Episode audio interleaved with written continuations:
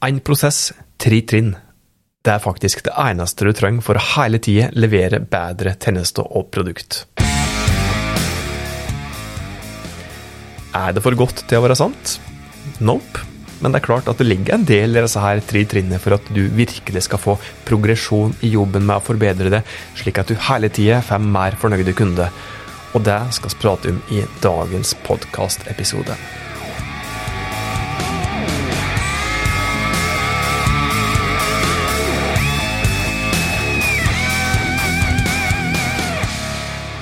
Hjertelig velkommen til Hauspodden. Dette her er podkasten fra fagfolket i Haus. Også her, som vanlig, for å hjelpe deg med å nå de målene som dere har satt dere i den virksomheten eller den organisasjonen som, dere, som du jobber til. Jeg heter Tormod Sperstad. Sier tusen takk for at du hører på podkasten vår. Det setter oss uendelig stor pris på. Som nevnt så skal det handle om tre rent overordna trinn i én prosess som du trenger for å hele tida levere bedre produkt og tjenester. Tre trinn. Det høres enkelt ut, og ja, prosessen overordna er enkel, men som sagt så ligger det litt mer i det. Men det er likevel det overordna som vi skal prate om i dag. Sjøl om det er det overordna som vi skal prate om, så har vi da et mål om at du i løpet av ei relativt stutt episode skal få innsikt og inspirasjon til å grave litt mer i prosessen, slik at du kan få mer fornøyde kunder. Og mer fornøyde kunder, det vet du jo at eh, fort kan bety mer penger i kassa, som du kanskje ikke har lyst til å si nei til.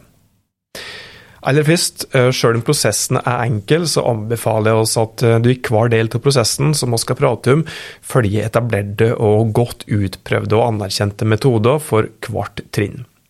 Jeg skal ikke gå i uh, ja, på metodene for hvert trinn i prosessen i denne episoden, men hvis du er nysgjerrig og vil høre mer om hvordan eh, du kan gjøre det, og hva de ulike metodene er, så vet du selvsagt hva du har oss. Det er bare å ta kontakt. Men denne eh, overordnede prosessen og disse tre trinnene i den overordnede prosessen, det handler faktisk bare om tre enkeltord. Det handler om å forstå, det handler om å utvikle, og det handler om å teste. Jeg skal prate mer om dette her, eh, de tre enkeltordene der. Eh, men de tre enkeltordene der de stopper heller ikke med kun de tre ordene, og så er det punktum finale.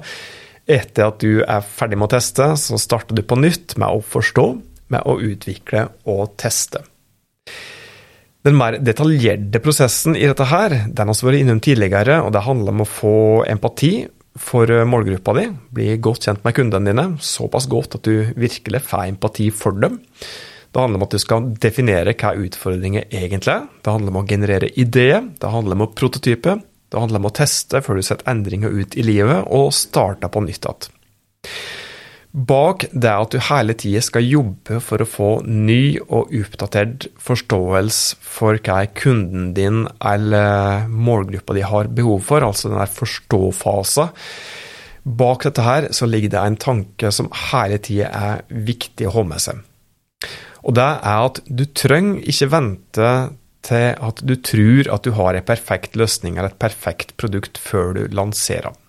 Tvert imot, du bør ikke vente til at du tror at du har en perfekt løsning. For hvis du hele tida vegrer deg for å selge noe som du ikke er 100% fornøyd med, så kommer du aldri til å få noe gjort. Og her prater jeg om erfaring sjøl òg. Hvor mange ganger har jeg f.eks. Ikke droppa å publisere en fagartikkel fordi jeg syns at det mangla litt hvor mange ganger har jeg ikke brukt altfor lang tid på å bli ferdig med et workshop eller kurs slide deck fordi at jeg ikke syntes at bra nok var bra nok? Altfor mange ganger, kan jeg fortelle deg. Hvis du skal komme deg framover, og det er jo det som er målet nærmest uansett hva oss driver med, så nytter det ikke å vente til at du er sikker på at alt er perfekt. Det må være en grad av usikkerhet i det som oss driver med. Dette gjelder uansett om du er en restaurant som skal utvikle en ny meny, en reiselivsbedrift som skal sette sammen en ny opplevelsespakke, en artist eller et band som skal skrive en ny låt, eller kanskje en møbelbedrift som skal lansere et nytt produkt. Ikke vent til det er perfekt, men, og det er et ganske stort men her òg, ha hele tida kontinuerlig fokus på forbedring. Og den forbedringsprosessen, som altså er iterativ, den er evigvarende, det er en evig runddans. Der går det som nevnt helt overordna ut på å forstå målgruppa di, kundene dine, og hva utfordringer egentlig er. Det går på å utvikle ei løsning som kan løse utfordringer og gjøre produktet bedre. Og du skal teste ut endringer som er gjort, og ikke minst gjenta prosessen. Og for å repetere det òg, den mer detaljerte prosessen den handler altså om å bli så godt kjent med målgruppa di at du faktisk utvikler empati for dem, og at du får kartlagt hva som egentlig er utfordringer. Altså det kartlegge den egentlige utfordringen er så viktig, den delen der i prosessen, for det er lett å tenke som så at ja, men det er jo dette her som egentlig er problemet. Uh, og hvis du går ordentlig i dybde på ting, så kan det nok hende at du dukker opp med en annen reell problemstilling enn det som utgangspunktet ditt egentlig var. Så er det viktig at du òg genererer ideer ved å bruke etablerte metoder som funker, at du prototyper ved å bruke anerkjent metodikk, og at du bruker rett prototypingsmetodikk for akkurat den forbedringen som du skal prøve å ordne, og at du hele tida tester og gjentar fra start. Og når jeg sier at dette skal være en kontinuerlig prosess, så, så, er det ikke slik at eh, hvis du f.eks. gjennomfører prosessen ved å ha f.eks. en designsprint da, ei uke, så skal du starte samme prosess eh, påfølgende uke. Altså en designsprint er jo en variant av eh, design thinking som vi også pratet om tidligere. Den innovasjonsmetodikken som er, som er mye brukt. Og en designsprint er da stuttvarianten som du kan gjennomføre over eh, enten fire eller fem eh, dager. Men altså, når jeg sier at det skal være en kontinuerlig prosess, så er det selvsagt ikke slik at hvis du f.eks. gjennomfører en designsprint ei uke, så skal du starte den samme prosessen og ha en ny sprint påfølgende uke. Det betyr at du skal ha etablerte rutiner som sier noe om hvor ofte du skal jobbe med forbedringsprosesser. Det kan f.eks. være rutiner der du har en formell prosess f.eks. én gang i året, eller kanskje en rutine der du vurderer å gjennomføre, eller i alle fall initiere en designtenkningsprosess eller en designsprint så fort du har klar innsikt i at kundene dine ikke er helt fornøyde med det som du leverer i dag. Som nevnt, hvert ledd i prosessen har flere ulike metoder som kan brukes. Både hvordan du bruker metoden, og ikke minst valg av metode, er viktig for hvordan sluttresultatet blir.